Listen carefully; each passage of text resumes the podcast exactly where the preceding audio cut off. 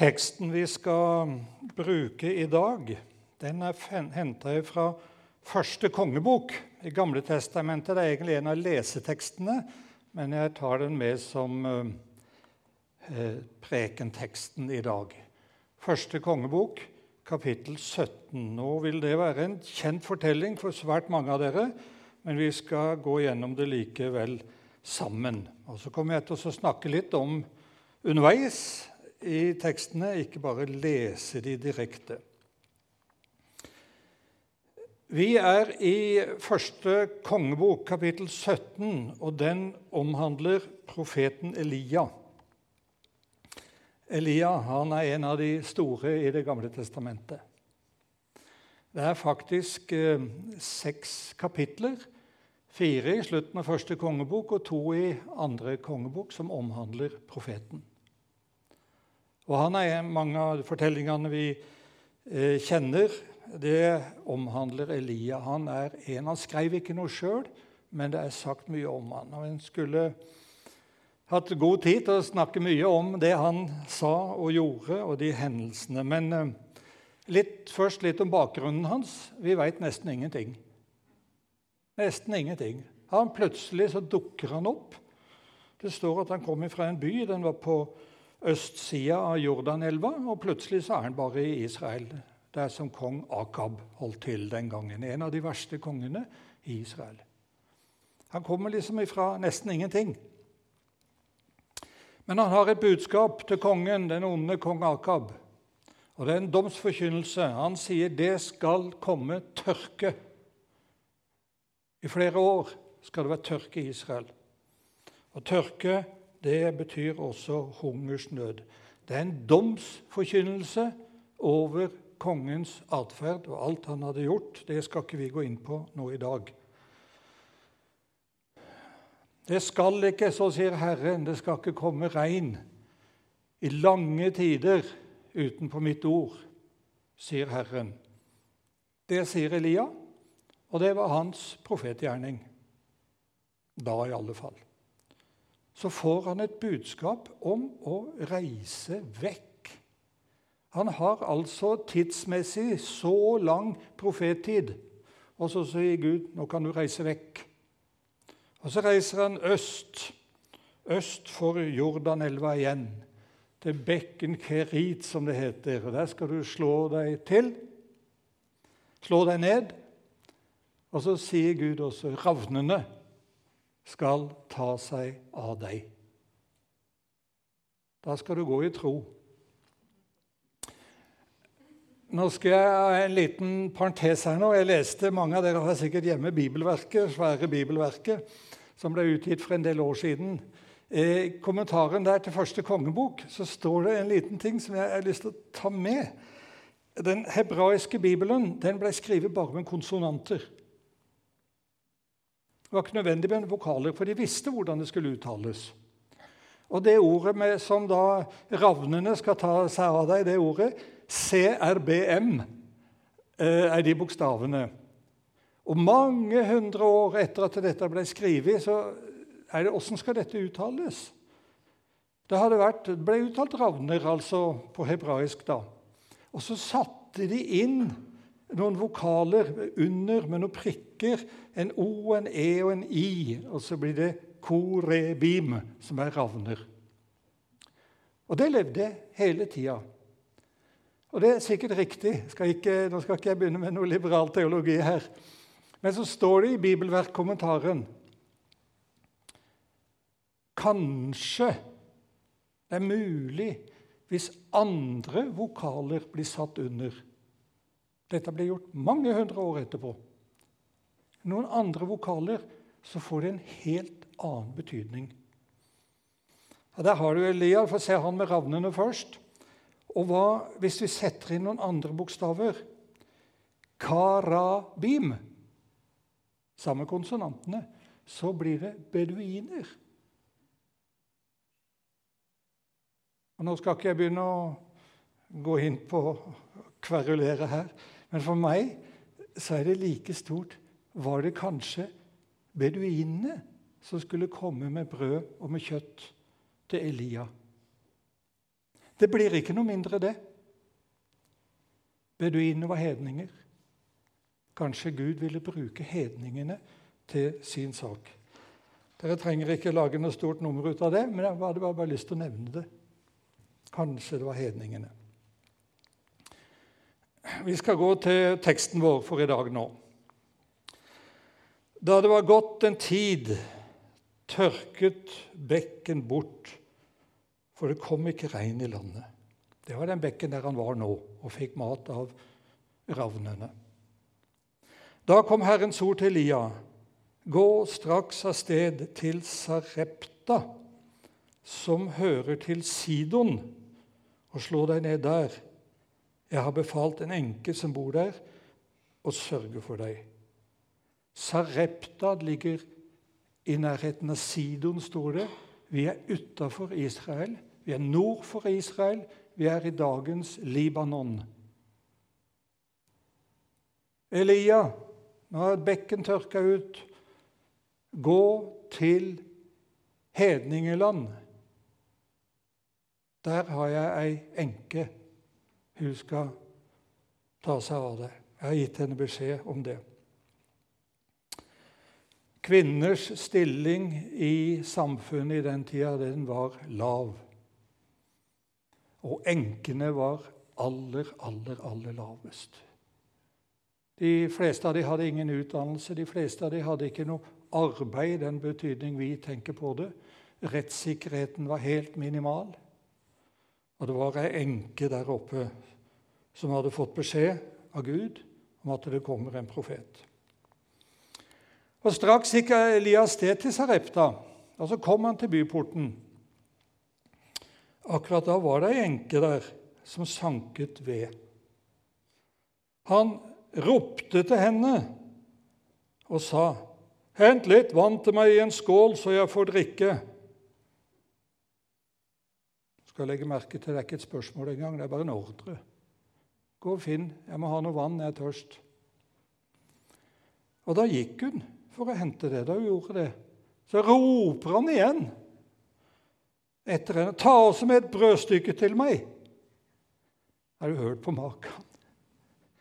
Det tar seg ikke ut i vår sammenheng. Der står han på avstand og brøler og roper 'Hent vann til meg.' Og, ja, så får du ta med noe brød også. Jeg skjønner at vi, vi har litt lov til å reagere litt. Vi har det. Og så svarer dama Så sant Herren din Gud lever, jeg eier ikke så mye som en brødleiv, bare en håndfull mel i krukken og litt olje i muggen. Legg merke til den første linja der. Så sant Herren din Gud. Hun er en fremmed for Elia. Hun er en fremmed for Elias Gud. Hun omtaler Gud som din Gud, ikke hennes Gud. Og Han sier, 'Jeg har ingenting. Jeg har ingenting. Samler jeg litt ved nå, så skal jeg gå hjem og lage mat, og så skal vi dø.' Da kan vi kanskje si det var litt overdrevet, men ikke så mye. Geir sa at jeg hadde vært misjonær i Etiopia i mange år. I 1985 kom det en enorm tørkekatastrofe over store deler av det som vi kaller Sahel-området, Etiopia inkludert. Det var en merkelig tid å oppleve tørke. Vi misjonærer vi hadde det godt. Men i Etiopia så var det mange hundre tusen mennesker, noen sier en million, som sulta i hjel. Rett og slett sulter i hjel. Vi kan begynne å murre litt hvis det mangler et eller annet matslag i butikken. Får ikke det vi vil. Den gangen det var snakk om å leve eller dø for store deler av befolkningen. Og dama hun visste det er ikke noen framtid for meg. Så sier Elia til henne Vær ikke redd, sier han. Gå hjem og gjør det du har sagt. Lag ditt siste måltid. Men bak først en liten brødleiv til meg av melet, og kom ut til meg med det. Siden kan du lage til noe for deg og sønnen din. Det er fælt å lese dette, altså. Det er faktisk litt fælt å lese det. Han var ikke diplomat, den fyren der. Dette var mannssjåvinisme av verste sort. Sånn vil vi. Det passer liksom ikke i dag. Og så leser vi historien baklengs med dagens øyne, og så blir Elias stående som en forferdelig uhyre, nesten. Men historien var sånn den gangen. Samfunnet var sånn den gangen. Men Elian stopper ikke der, sjøl om vi syns han er litt grov i munnen. For han har et løfte med. For så sier Herren Israels Gud, melkroken skal ikke bli tom. Og det skal ikke mangle olje i muggen til den dagen kommer da Herren sender regn over jorden. Åssen reagerer dama nå? Da gikk hun og gjorde som Eli hadde sagt. Og både hun og han og hele hennes hus Hun hadde kanskje flere enn den ene sønnen, kanskje noen andre småunger. Hadde mat i lang tid. Jeg syns det er sterkt å lese den første setningen der i vers 15. Hun, hun gikk. Hun adlød det Elia hadde stått på avstand og ropt til henne. Hun hadde hørt det løftet som han hadde gitt, som dere ser i vers 14 der. Hadde hun begynt å skjønne litt, muligens, iallfall ta sjansen på at det løftet var sant, at Elias sin Gud kunne gjøre noe med hennes situasjon. Og så er det avslutningen av dagens tekst. Nå har ikke jeg lest teksten, men jeg har gjenfortalt den. Ja, og Sammen med å lese så får vi avslutningen. Åssen gikk det? Nei, det ble ikke tomt. Melkroken ble ikke tom. og Oljen i muggen tok ikke slutt. Det gikk sånn som Herren hadde sagt gjennom Elia. Jeg skal ta dere med til Etiopia en tur. Dette er mange år siden. Halvparten av forsamlingen her var vel omtrent ikke født. så vi som var født, vi var iallfall unge den gangen. Eh, den gangen vi var i en sted langt vekke som heter Sollamo. Og så var det eldstemøte. Og det var krangel. Skikkelig krangel, altså. Det var personlige motsetninger og det var etniske motsetninger i området. Og det hadde vært var skikkelig guffent. Og vi hadde kalt sammen til et møte med lederne i området for å snakke om dette og prøve å komme til en løsning. Jeg skulle vært til stede og hørt åssen Ja, det var ikke diplomater, de heller. Og så begynte det å bli litt surt, og så var det noen som sa vi går. Vi er sultne, og vi går. Jeg går hjem. Magen skriker etter mat.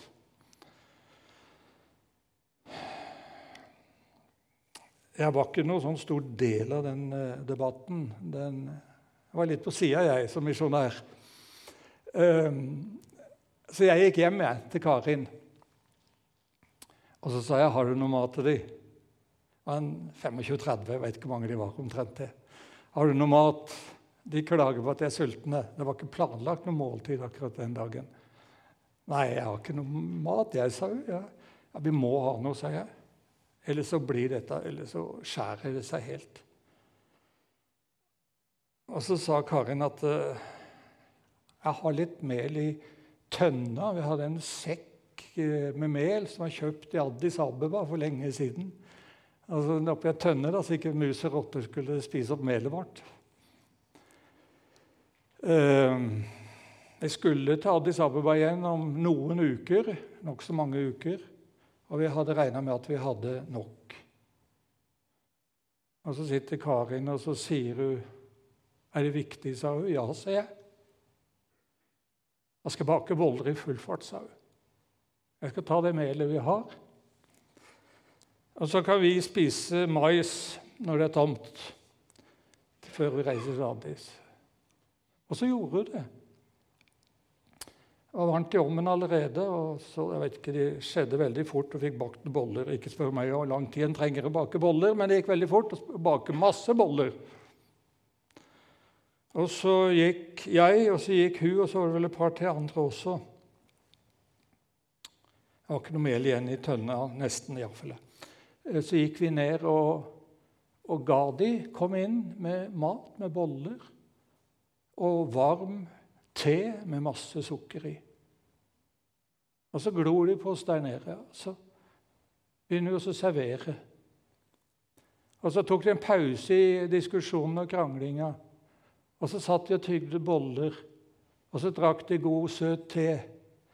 Og så begynner stemningen å snu. Og så gikk det ikke så forferdelig lang tid etterpå.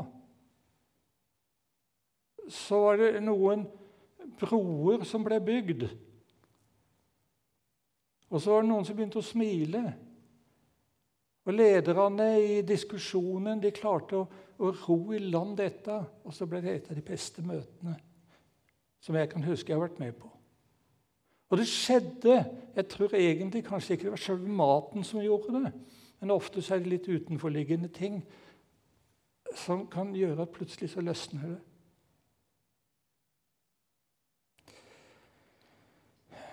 Jeg glemmer ikke det møtet. Og dagene gikk, og ukene gikk. Jeg skriver på lappen min her Tønna med mel ble ikke tom.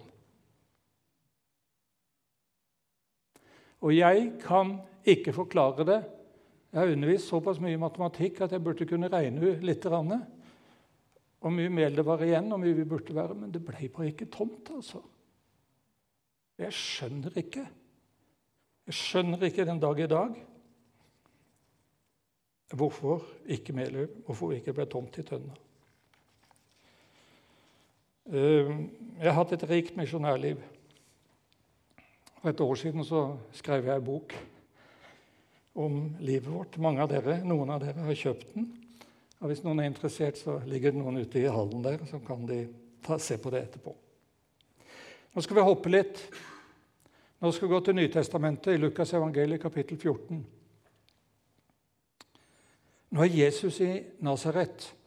Dette er tida like etter at Jesus var døpt av døperen Johannes, at han var blitt frista av djevelen. Og Så kommer han nord igjen, nordover i Galilea-området, og så kommer han hjem til Nasaret. Og Så går han i synagogen, og så gir de han bokrullene, og så begynner han å lese fra profeten Jesaja kapittel 61. Jeg skal ikke lese dette nå, men dere kan lese hjemme Lukas 4. Klarer dere å huske det? Og ingen som, er det ingen som klarer å huske Lukas 4? Ja, det er et par-tre stykker. Det er godt. Takk skal dere ha. Og første kongebok 17. Men han leste fra profeten Jesaja kapittel 21. Og Der sier han at han er et godt budskap til fattige, sier Jesus. Det står der hos Jesaja.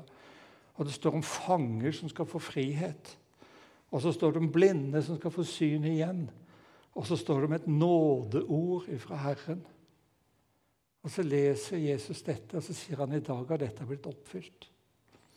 Og Så satte han seg ned, og så står det at alle priste han. Ryktet om han hadde gått foran. De hadde hørt om hva som hadde skjedd i Kapernaum. Ryktet hadde gått foran. Og Så kommer han her og så leser han disse løfteordene hos profeten Jesaja og sier at dette er oppfylt. Ja, men han? Er det mulig, sier de. Er det mulig? Han som er Josefs sønn. Og så hadde de hørt om alt det underet han hadde gjort i Kapernaum. Og mange andre steder sikkert. Men dette er helt i starten hans virke. Og så har de noen tanker at han skal gjøre det samme i Nasaret. Det du gjorde i Kapernaum, gjør det her i Nasaret også. Og så tar Jesus ordet igjen. Og så bryter han tvert igjennom. Og i løpet av noen få setninger så snur den gode stemningen Det er motsatt til det eldste møtet i Soldamo. Nå snur stemningen andre veien pga. noen få setninger som Jesus sier, som i seg sjøl er helt ufarlige.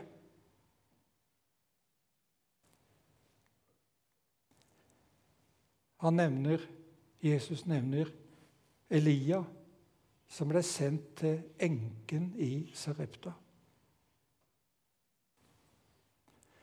Det er nok av enker i Israel, sa Jesus. Og de har det vondt. Men Elia ble sendt ut av landet til ei enke oppe i Sarepta, ei som var hedning. Og Så nevner han en episode til fra Gamle testamentet, Jesus, der han står i synagogen. Han forteller om syreren Naaman, han som var spedalsk, han som kom til profeten Elisa for å bli helbreda. Og Elisa sier, 'Gå og bad deg i Jordan, dukk sju ganger, så skal du bli frisk.' Og så husker vi åssen det gikk. Han ble rasende, men han gjorde det til slutt. Han ble frisk. Jesus henviser til to episoder der utlendinger, hedninger, får en beskjed eller et besøk av Guds profet om helbredelse eller om hjelp. Og Det var nok av spedalske i Israel også. Men syreren Naman han var den som ble helbreda.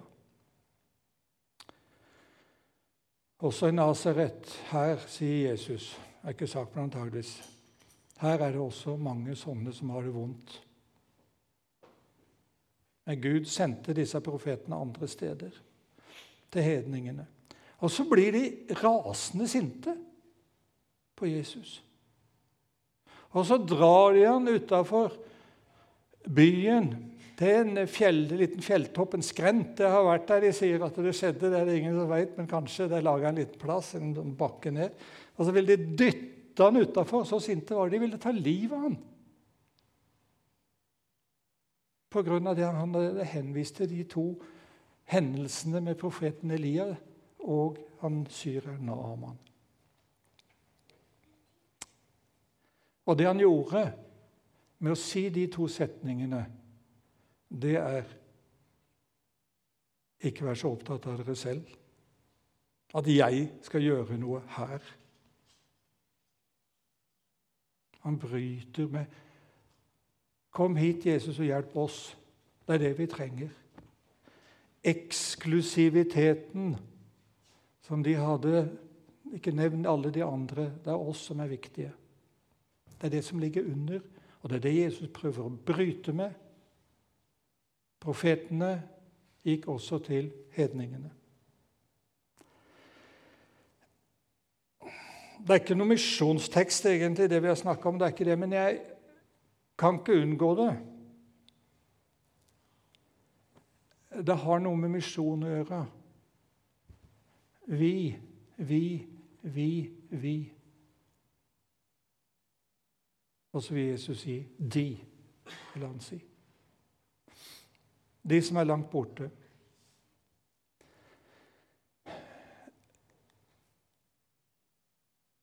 De er like viktige for Gud som vi er.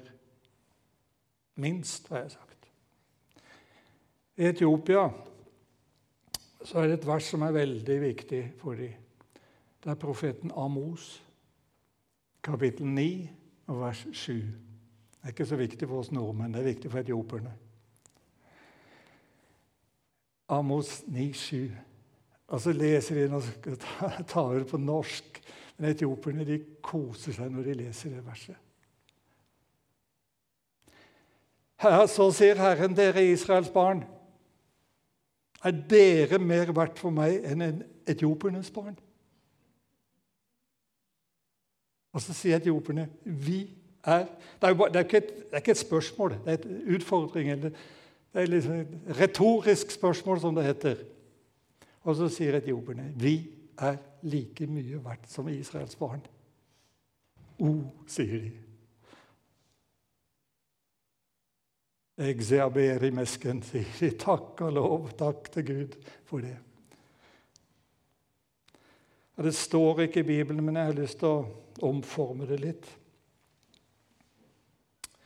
Er vi nordmenn, er vi som er her på møte i Kristiansand, er vi mer verdt for Gud enn de langt borte, de som ikke kjenner Jesus? Geir han innleda litt om Øst-Afrika. Han nevnte to-tre ganger minst nådde eller unådde folkegrupper. De er der ennå, de som ikke kjenner Jesus. De har kanskje ikke hørt navnet engang, mange av de. Noen områder er lukka og vanskelig å sende misjonærer til. Andre områder er åpne. Og så er det en utfordring for oss. Kom hit til vår hjemplass og gjør noe her. Har vi den holdningen? Eller har vi den holdningen som Jesus peker på de andre. Det treffer meg rett i magen, jeg må bare si det, å snakke om dette. Jeg tror jeg var litt idealistisk da jeg var ung, og så føler jeg det går fullstendig gærne veien. Jeg blir mer og mer opptatt av meg sjøl. Pensjonen min og helsa mi og huset mitt og bilen min og alt. Jeg blir mer og mer opptatt av det, og det skremmer meg faktisk litt.